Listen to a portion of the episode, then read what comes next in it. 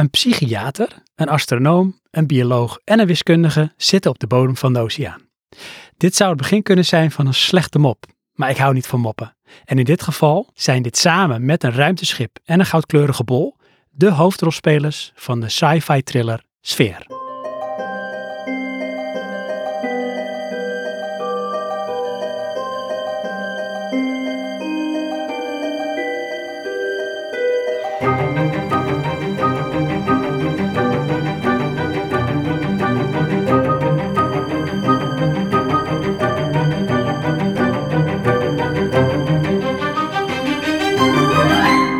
Sfeer kwam in Nederland uit op 2 april 1998 en hij duurt 2 uur en 14 minuten. In de hoofdrol hebben we Dustin Hoffman, Sharon Stone, Samuel L. Jackson, Liep Schreiber, Peter Coyote en Queen Latifah. De regie was in handen van Barry Levinson en die kennen we van Rain Man en Donnie Brasco. De film is gebaseerd op het gelijknamige boek van de geprezen auteur Michael Crichton. En misschien denk je nu, hey, die naam die ken ik ergens van. En dat klopt, want hij heeft ook Jurassic Park geschreven. De vertaling naar het witte doek die is gedaan door Kurt Wimmer en Stephen Hauser. Cinematografie was in handen van Adam Greenberg, die we kennen van Terminator en Terminator 2. En de muziek is van Elliot Goldenthal. En die naam hebben we ook al eerder laten vallen, want die schreef ook de muziek voor Heat. De film kostte zo'n 80 miljoen dollar en bracht wereldwijd slechts 37 miljoen dollar op. Nog niet eens de helft. Maar wat is het verhaal van sfeer? Op de bodem van de oceaan ontdekt de Amerikaanse marine onder een enorme koraallaag een gigantisch ruimteschip dat er minimaal 300 jaar moet liggen. En zolang niet duidelijk is wat hier precies aan de hand is, besluit men om dit geheim te houden voor de buitenwereld. En volgt men de aanwijzingen zoals beschreven in het Goodman-rapport. Een rapport opgesteld door Dr. Norman Goodman, gespeeld door Dustin Hoffman. In dit rapport wordt beschreven welke stappen ondernomen kunnen worden in het geval dat de mensheid ooit in aanraking komt met een buitenaardse identiteit. Een team van wetenschappers onder leiding van militair Harold Barnes en begeleid door de opsteller van het rapport, psychiater Norman Goodman, dalen af naar de bodem van de oceaan, waar een heus onderzoekshabitat is neergezet. En daar gaan ze op onderzoek uit en ontdekken ze al snel dat er aan boord van het ruimteschip een bijzonder goudkleurige vloeibare bol is, met een aantrekkingskracht op een ieder die in de buurt komt. En wat volgt is een heerlijke single location, claustrofobische, typische eind jaren 90 science fiction thriller die mij nog altijd doet denken aan films zoals The Thing, Alien, The Abyss en de in 2020 verschenen film Underwater. Maar Mike, ondanks de lage IMDb-score van 6,1 en een Metacritic score van 3,5 vind ik Sfeer na al die jaren nog steeds een heerlijke en hele leuke film. Maar ik vind deze film niet alleen heel erg leuk, ik vind hem ook op een bepaald vlak erg sterk. Want wat ik zo sterk vind is dat uh, het laat zo goed zien wat er gebeurt als je vier hele slimme mensen in een kleine ruimte zet. En alle vier vanwege hun kennis en kunde op persoonlijke titel gekozen voor deze missie en overtuigd van zichzelf. Maar wanneer blijkt dat er geen weg terug meer is, en men op elkaar is aangewezen, dan komt er steeds meer naar boven van wie ze werkelijk zijn. En welke angsten ze proberen te verbloemen en hoe deze angsten zich tegen hun keren. En laat ik deze keer nou eens, eens anders insteken dan, dan anders. En laat ik aan jou vragen, Mike, met welk personage kun jij je eigenlijk het meest identificeren in deze film? Is dat de, de alles relativerende psychiater Norman, gespeeld door Dustin Hoffman? Of het wonderkind, de astronoom Ted, gespeeld door Lief Schreiber? De empathische bioloog Beth Harpering, gespeeld door Sharon Stone? Of is het de realistische wiskundige Harry, gespeeld door Samuel Jackson? Poeh. Ja, ik denk dan toch Samuel L. Jackson, dat ik die rol... Uh... Kijk, want Dustin Hoffman is natuurlijk wel rustig en kalm en beheerst. En dat is ook wel een beetje wat, wat ik denk te zijn. Ik ben niet zo opvliegerig als dat Samuel. Jackson op een gegeven moment wordt in deze film. Alleen Dustin Hoffman heeft die vier mensen die je nu net benoemt, eigenlijk een soort van bij elkaar gelogen. Want hij heeft een rapport geschreven. Ja. En daar heeft hij gewoon maar die mensen in benoemd, terwijl die mensen daar eigenlijk helemaal niks van af weten. En daar eigenlijk ook helemaal geen bijdrage aan hebben geleverd. Ja. Dus ja, op die manier denk ik toch dat ik dan voor Samuel L. Jackson zal gaan. Uh, ja. En zie je jezelf ook als een realistische wiskundige, zeg maar? Nou, realistisch wel. Wiskundige, nou ja, goed. Eh, kan soms wel redelijk, redelijk ingecalculeerd mijn antwoorden geven. dus ik weet niet of dat ook telt. Ah, keurig goed. Het is ook leuk, want jij stipt meteen een scène aan die ehm, in de film dus ook afspeelt, waarin eh, hij eigenlijk, en hij is Dustin Hoffman, Norman Goodman, die, die biecht op aan Harry Adams, aan Samuel Jackson, ehm, ja, waarom die, eh, die mensen aan boord heeft gevraagd, waarom Harry aan boord is en, en Beth en, en Ted. Eh, ja, bij elkaar gelogen eigenlijk. De rapport was toen in opdracht volgens mij van eh, de Reagan-administratie, Ja. Ronald Reagan, bij elkaar gelogen omdat hij daarmee, nou ja, een leuk bedrag kreeg. En dan kon hij dan zijn buitenhuis ergens van verbouwen. Dat zegt hij dan eigenlijk tussen neus en lippen door. Ja. En wat grappig is aan deze scène, los van dat hij dit zo eigenlijk benoemt, is dat de scène compleet geïmproviseerd is. Oh, echt waar, ja? Ja. Oké, ja. Ja, het is sowieso wel, wat, wat je net zei, hè, het levert een lage IMDb-score. Het heeft niet zoveel opgeleverd. Maar toch kijk ik wel met plezier naar deze film. Het is niet de eerste keer dat ik hem zie. Ik heb hem ook op DVD. Wel een Mhm. Amerikaanse DVD, want er was nog in de tijd dat ik DVD's kocht in Amerika. Ehm, dus ja, regio 1 afspelen nu is toch wat lastiger als je dat in een, in een apparaat speelt. Maar goed, ik heb hem gezien. En wat ik er onder andere ook heel goed aan vind, is dat het begin vind ik best wel spannend. Want Dustin Hoffman die wordt opgehaald, die wordt in een helikopter gezet, die vliegt ergens boven zee. Hm. Hij, er wordt hem iets verteld, maar heel weinig. Hij weet eigenlijk niet precies waar hij naartoe gaat, wat de situatie is. Hij denkt dat er een soort trauma is op een booreiland. Dat dat is waarom hij er naartoe gaat. Ja. En dat maakt het best wel gelijk spannend eigenlijk voor, voor Hofman. En ook voor de kijker van, ja, maar wat is er nou precies aan de hand? En wat je dan ziet is dat ze, en ik heb op mijn horloge gekeken, na 16 minuten in de film gaan ze al naar beneden. Gaan ze al het water in. Gaan ze al naar dat ruimteschip wat daar ligt. Ja. In 2022 zou dat een uur duren. Ja, dat zou best kunnen. Het tempo in deze film zit er goed in. Zeker. En niet op een manier.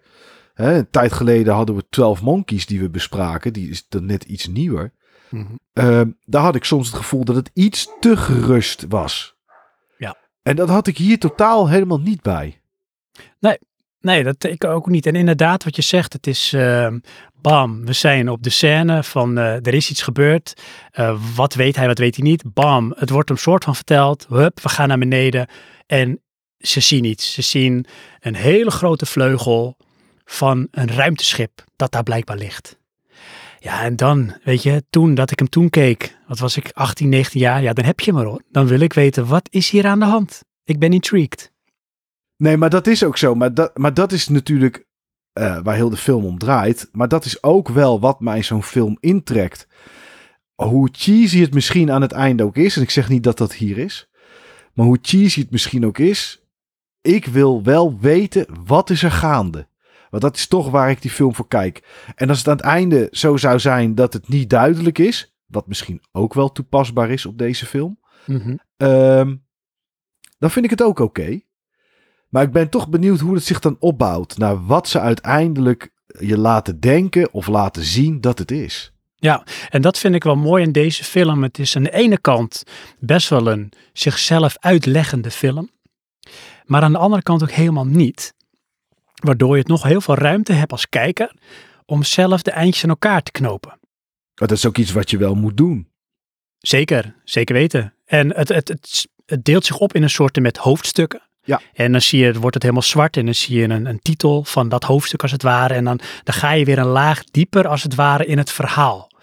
En waar het inderdaad in het begin observerend, ontdekkend eh, opbouwt. Hè, we gaan op onderzoek uit. En wij als kijker worden meegenomen en wij ontdekken ook dingen. Zij doen op een gegeven moment een hele bizarre ontdekking en constatering. En dat nemen ze dan als het ware mee terug, die constatering. En, en dat bepaalt ook hoe zij voor zichzelf eindjes in elkaar gaan knopen. En dat is interessant, want ja, dat bepaalt ook hoe het verloop gaat. Mhm. En dan benoemde ik net die bol, sfeer. De titel van de film is ook sfeer. Het draait ergens om die bol. Is het, wat is het? Leeft het? Waarom is het daar?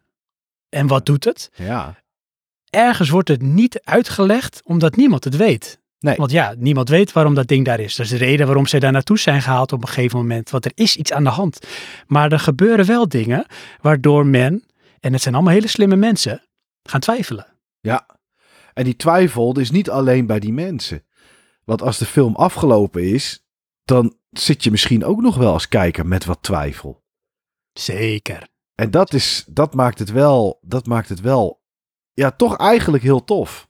Zeker. Wat ik ook heel tof vind aan deze film, en eh, dat is net als met Phone Booth die we eerder eh, hebben besproken, een van de eerdere afleveringen, is dat dit, ja, wat mij betreft ook een single location film is. En er is iets met single location films wat mij aantrekt. En wat het is, ik heb daar een beetje over na proberen te denken. En ik ben benieuwd hoe, hoe jij dat ervaart en onze luisteraars. Voor mij is het, het is ergens iets van familiairs. Hè, want de focus ligt echt op een ene plek, een ene Mhm. locatie. Ja.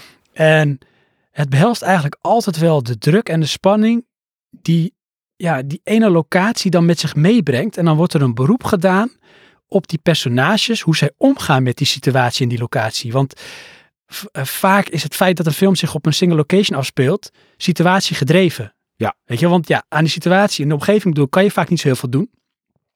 Maar doordat je niet weg kan of niet weg wil, hè, dan, Mhm. dan, dan moet er iets gebeuren. Dan, dan drijft dat zich op die manier voort. Dan krijg je een soort, met, soort snelkookpan. Ja.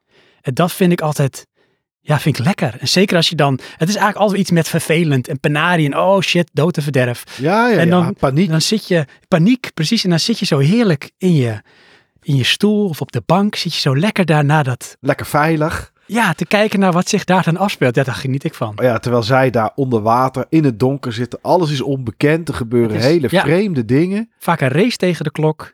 Ja, ja. En hoe heb jij dat met single location films? Ja, ik, heb, ik, ik vind dat ook wel interessant hoor. En ook vanuit eh, een iets analytischer eh, oogpunt dan, zeg maar. Van wat kan je allemaal doen en hoe spannend kan je het maken door... Kijk, het is niet alleen één kamer waar het zich afspeelt, de film. Het is niet één ruimte, het zijn wel meerdere ruimtes. Maar het is daar, ja, dat, dat ruimteschip wat daar ligt. En dat is het. Een grotere plek is het niet. En dan is het toch, ja, hoe spannend kan je het maken? En dat vind ik dan ook interessant om naar te kijken vanuit dat oogpunt. En dat is, maar deze film heeft wel meer van dat soort dingen. Want de muziek in deze film, die doet echt enorm veel. Zeker. Neem een dienblad dat aan het klapperen is op een tafel. En dat doet, dat doet je niks. Maar gooi er spannende muziek bij. En het is in één keer paniek. Ja. En dat is wat er in deze film heel veel gebeurt. Dingen dat als de muziek weg zouden zijn, die misschien geen indruk maken, maar door de combinatie van hoe het dan toch in beeld wordt gebracht en de muziek, zit er heel veel spanning in. En er gebeuren continu vreemde dingen. Er zit echt geen saai moment in. Zeker. En dan is ook het acteerwerk heel belangrijk, want ja, de omgeving is wat het is. Dat is niet zoveel. Eh, dus je moet het ook wel hebben van het gevoel dat je echt denkt dat die mensen daar zouden kunnen zitten. Ja. En ja, ik weet niet hoe jij dat hebt, maar wat mij betreft, ja, doen ze dat best goed. Wordt er wel goed geacteerd daarin. Zeker. En zeker in combinatie met de beelden en de muziek. Ik voel ook die spanning van wat is er nou, wat gaat er nu gebeuren? Ik leef met die personages mee. Eh, met de een wel meer dan met de ander. Maar op, op een eigen manier vind ik wel dat ze echt wel goed acteren. Ja, dat doen ze ook. Want wat je heel langzaam ziet, is ze zitten natuurlijk op de bodem van de zee. Ze zitten een soort van gevangen. Er wordt, er wordt ze ook verteld, naar beneden kan je vrij snel, maar naar boven, dat moet eigenlijk een tijd duren vanwege de druk. En dus ze weten dat ze eigenlijk ook een soort van opgesloten zitten. En heel langzaam worden ze een beetje gek. En achterdochtig. En wat je, wat je je continu afvraagt, en daar zie je dan de kwaliteit van het acteerwerk in, is of het terecht is dat dat gebeurt. En wat zorgt er dan voor dat ze achterdochtig en langzaam een beetje gek worden. Ja, zeker. Maar als je acteurs hebt die dat niet kunnen overbrengen, ja, dan slaat het helemaal nergens op. En dat kunnen ze allemaal. Lief Ja. Schreiber, eh, Dustin Hoffman, Sharon Stone, Samuel L. Jackson. Ze doen het allemaal echt heel erg goed op dat vlak. Ja. En dat, eh, ja, dat maakt het beren interessant om naar te kijken. Want dit is zo'n film waar het voor mij meer om de personages gaat. en wat die situatie met hen doet, dan wat die grote gouden bol is en dat ruimteschip daar beneden. Nee, eens, absoluut, zeker.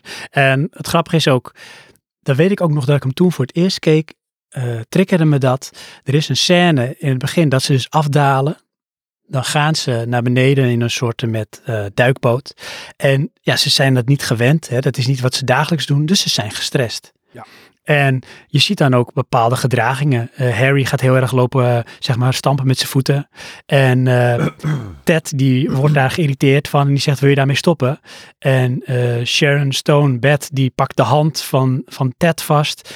En daar reageert Harry dan weer op. En Norman is de psychiater en die benoemt dan, je hebt een stressreactie en dat is zijn stressreactie. En die reageert zo, maar hij heeft ook zijn eigen stressreactie. En dat is interessant, want daar was ik me eigenlijk helemaal nooit van bewust op die manier. En hij benoemt dat en dan, dan ga je erop letten en denk je, ja, dat is ook wel zo. Maar dat doet hij vanuit zijn professie. Ja. En misschien schiet hij terug in die rol, omdat hij zelf ook gestrest is. En zo zie je dat ook. Ze zijn misschien een beetje ook als typische archetypes neergezet, die rollen. Ze nemen allemaal iets mee, ook qua hoe ze zijn en hoe ze praten en hoe ze doen, vanuit hun professie. Uh, Harry is heel erg analytisch en realistisch als wiskundige. En die is ook degene die op een gegeven moment iets kan doen met een soort computersysteem, waardoor die kunt, kan communiceren met iets of wat. Uh, Beth is een bioloog, dus die heeft ook weer een andere kijk hoe ze dingen ervaart en doet. En zo pakt iedereen eigenlijk op zijn eigen manier ja, zijn professie en zijn rol mee. Ja. Dat vond ik interessant uitgewerkt. Ja, ja, dat is het ook. Ja, ja het is. Ja, misschien is het. Nou ja, aan de ene kant is het misschien wel gek als je er zo over praat zoals wij dat nu doen. Dat die score op IMDb, dat dat niet hoger is. Nee, ja, ik vind dat ja, wat dat nou is. Ik weet wel, en dat was een van de feitjes, dat Dustin Hoffman was ook niet tevreden met hoe de film is geworden. Oké. Okay. Hij vond hem niet af. Maar ja, ze hadden gewoon, uh, hij moest op een bepaalde tijd gereleased worden. En wat hem betreft is er uiteindelijk een incomplete film. Is er, uh, is er zeg maar in première gegaan. En als je kijkt naar de, de schrijver, hè, Michael Crichton. Ja, die, die schrijft fenomenale verhalen. Die staat op minimaal hetzelfde niveau als Stephen King. Ja. En dit is een van, nou in heel veel uh, lezers, vervent lezers, is dit een top drie uh, titel van zijn, van zijn verhalen. Mm. En misschien, en daar ben ik nog wel eens nieuwsgierig naar, dat als je het boek leest, dat je dat ook wel dan misschien zelf ziet. Ja. Dat je denkt, ja, de film schiet wat dat betreft toch wel tekort in bepaalde dingen. Ja, dat zou natuurlijk kunnen. Dat weet ik niet. Dat ben ik blij dat ik het boek niet gelezen heb. Want ik vind de film nog steeds vermakelijk. Ik kan eigenlijk niet meer zeggen dan dat. Is het een hoogvlieger? Nee, dat is het niet. Maar het is wel een film die vermakelijk is, waar je je bij je geen moment verveelt. Uh, de spanning er goed in zit. De personages interessant zijn. Het zijn ook allemaal goede acteurs. Ja. Dus eigenlijk is er ook geen reden om er niet naar te kijken. En of je hem goed of niet vindt, ja, dat is aan jou als kijker. Uh, maar het is zeker geen film die ik, zou, uh, die ik links zou laten liggen. Nee, zeker niet. Nee, ik heb deze uh, vaak gezien. Ik heb hem nu weer gezien. Er zal zeker nog een keer komen dat ik hem weer ga kijken. Want ja, dat heb ik gewoon met, uh, met sfeer. voordat we deze aflevering afsluiten, eerst nog even dit. De tagline. De running gag. Als Ja. ik de filmblik presenteer, mag ik jou laten raden naar de tagline van de film. Van wie Dus mag dat eigenlijk? Ja, van jezelf mag dat. Hè? Dat heb Ja, dat, dat heb ik gewoon meegebracht in onze onderhandeling om dit te gaan doen. Ja. Eh, in deze coalitie. Eh, dus Mike, wat is de tagline van Sfeer? Oeh. Wat is de tagline van Swear? Eh, what happens underwater stays underwater. Oeh, die had het zomaar kunnen zijn hoor. Ik vind Ja. hem wel sterk. Maar dat zal wel weer niet, dus. nee, nee. nee, het is een beetje corny cheesy. Het is Oh, Terror can fill any space. oké. Ja. Eh, ja, sfeer. Na al die jaren weet het verhaal, de locatie en de acteurs mij nog steeds te boeien. En ik heb me dus ook nu weer enorm vermaakt met het kijken naar deze heerlijke 90s single location sci-fi thriller. En nog altijd krijg ik kippenvel wanneer het kwartje valt voor Harry Adams, gespeeld door Samuel L. Jackson. En hij concludeert, why don't they know? If they, They don't don't know, know. that means we never It means we never told anyone. And if we never told anyone, means we never made it back. Hence, we die down here. Just as a matter of deductive logic, no?